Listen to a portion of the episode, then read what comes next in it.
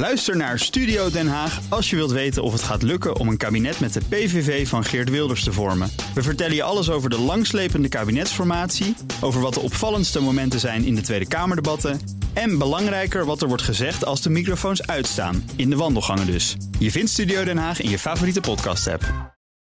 Dit is de Oekraïne Ochtend Update. Mijn naam is Geert-Jan Haan. En ik ben Bernard Hammelburg. We praten hierbij over de laatste ontwikkelingen in Oekraïne. En de gevolgen voor en de reacties van de buitenwereld. Je vindt deze podcast in je favoriete podcast-app. Ja, nadat uh, Zie koud in het vliegtuig gestapt was gisteravond, gisteravond na een driedaags bezoek aan Moskou, kwam er een barrage van, uh, van raketten en drones over uh, Kiev heen, met name de regio Zaporizhia.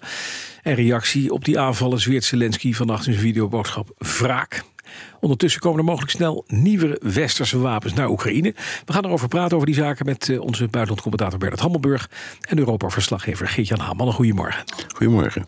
Allereerst Goedemorgen. Even, Bernard, voordat we aan die, uh, aan die aanvallen van gisteren beginnen. Eerst een artikel in Le Figaro. Blijkt dat Oekraïners al anderhalve maand getraind worden in Frankrijk op de Mirage 2000. Dat is de voorloper van de Rafale. Uh, niet de minste bommenwerper. Maar is dit, is dit inderdaad door Frankrijk goedgekeurd? Wisten we dit?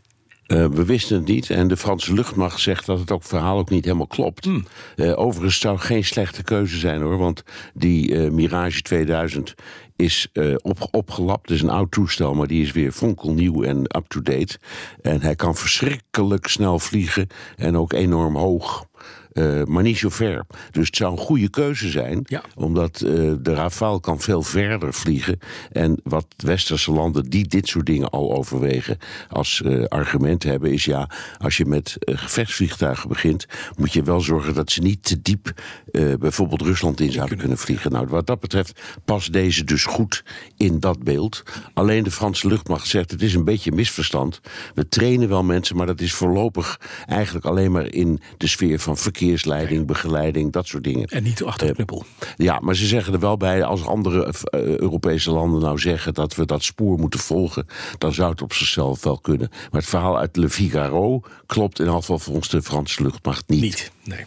Geert-Jan, even naar jou, want uh, die aanvallen gisteravond, hoe moeten we dat duiden? Want het, het was een barrage inderdaad, met, met allerlei drones weer en, en, en, en, en, en raketten, begrijp ik, hè?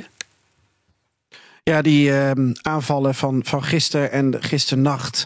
Die waren weer uh, fors. Met ook uh, dodelijke slachtoffers in de regio ten zuiden van Kiev. En ook in uh, Zaporizhia.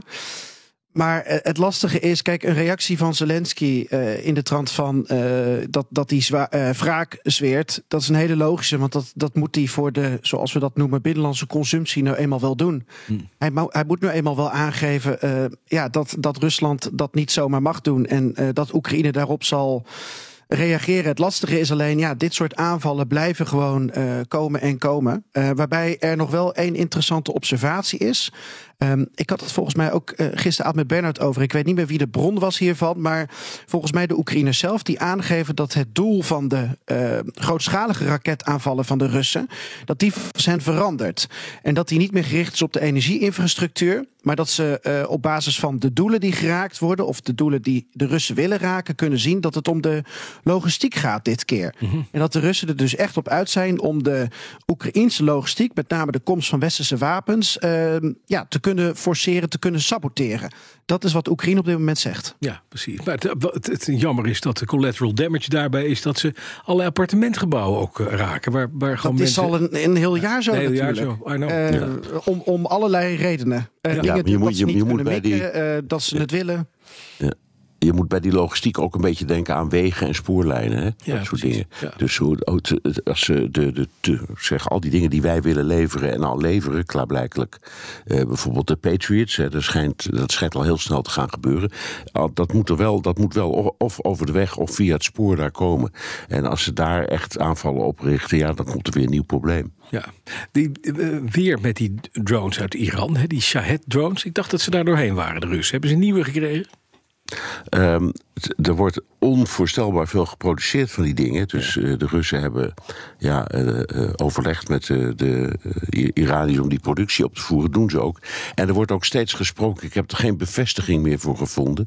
Maar er wordt ook steeds gesproken over het opzetten van, ja, ik zal maar zeggen, een filiaal van dat bedrijf in Rusland zelf. zodat ze ze daar sneller kunnen bouwen. Ja. Eh, en, en dan praat je over een nieuwe productie van een paar duizend of zo. Het zijn er echt meteen heel veel. Dan even over wapentuig gesproken aan de andere kant. Patriots en Abram tanks die komen mogelijk sneller naar Oekraïne. Uit Ja, Amerika. Ja, dat, was, eh, dat zijn berichten die eh, naar mijn idee ook wel eh, be- betrouwbaar zijn. Ja. Ehm, je weet, het plan was er. Dat is samen met Duitsland en Nederland op, opgezet.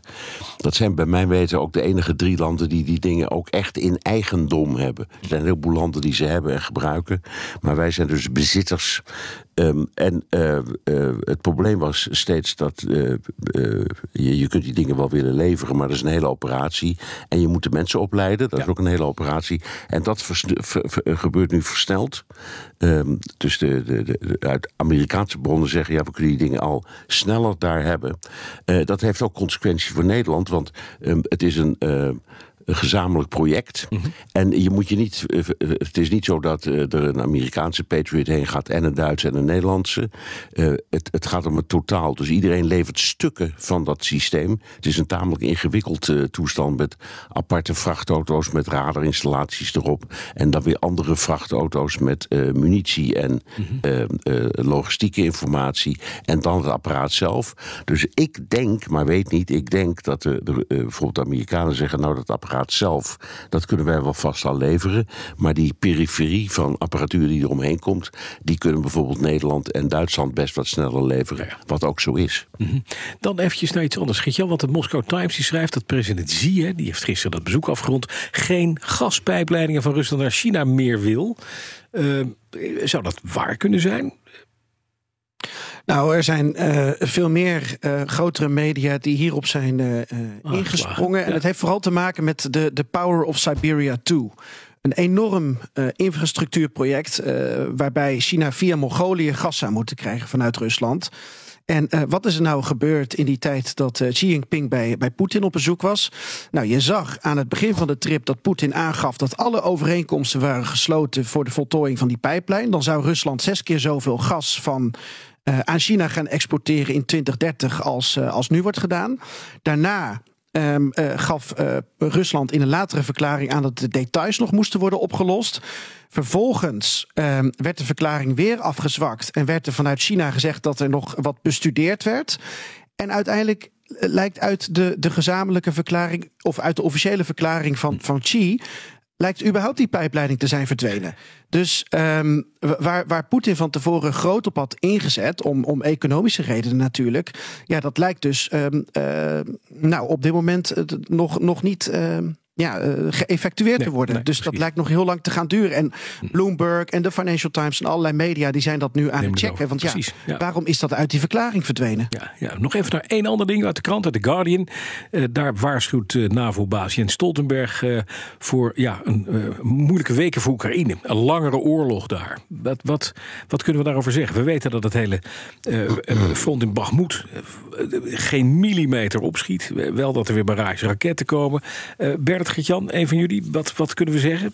Geven jullie NAVO-baas Stoltenberg gelijk? Jawel, we geven hem gelijk. eh, omdat er, er zijn steeds twee nijpende problemen. In de eerste plaats dat de westerse wereld, zal ik maar zeggen, in zijn geheel sneller door de munitie heen gaat. eh, dan eh, we kunnen aanmaken, omdat eh, Oekraïne zo verschrikkelijk veel wegschiet. Ehm, in, in de tweede plaats omdat, eh, ja, we praten steeds over een voorjaarsoffensief, maar dat is volgens mij een verkeerd begrip. Maar dat het, eh, de, de, de, de troepenmacht aan de Russische kant groeit en toeneemt. En ehm, eh, ja, dat is zoiets als in Bagmoed, ja, daar, daar, daar gaat het dan weer even niet zo goed.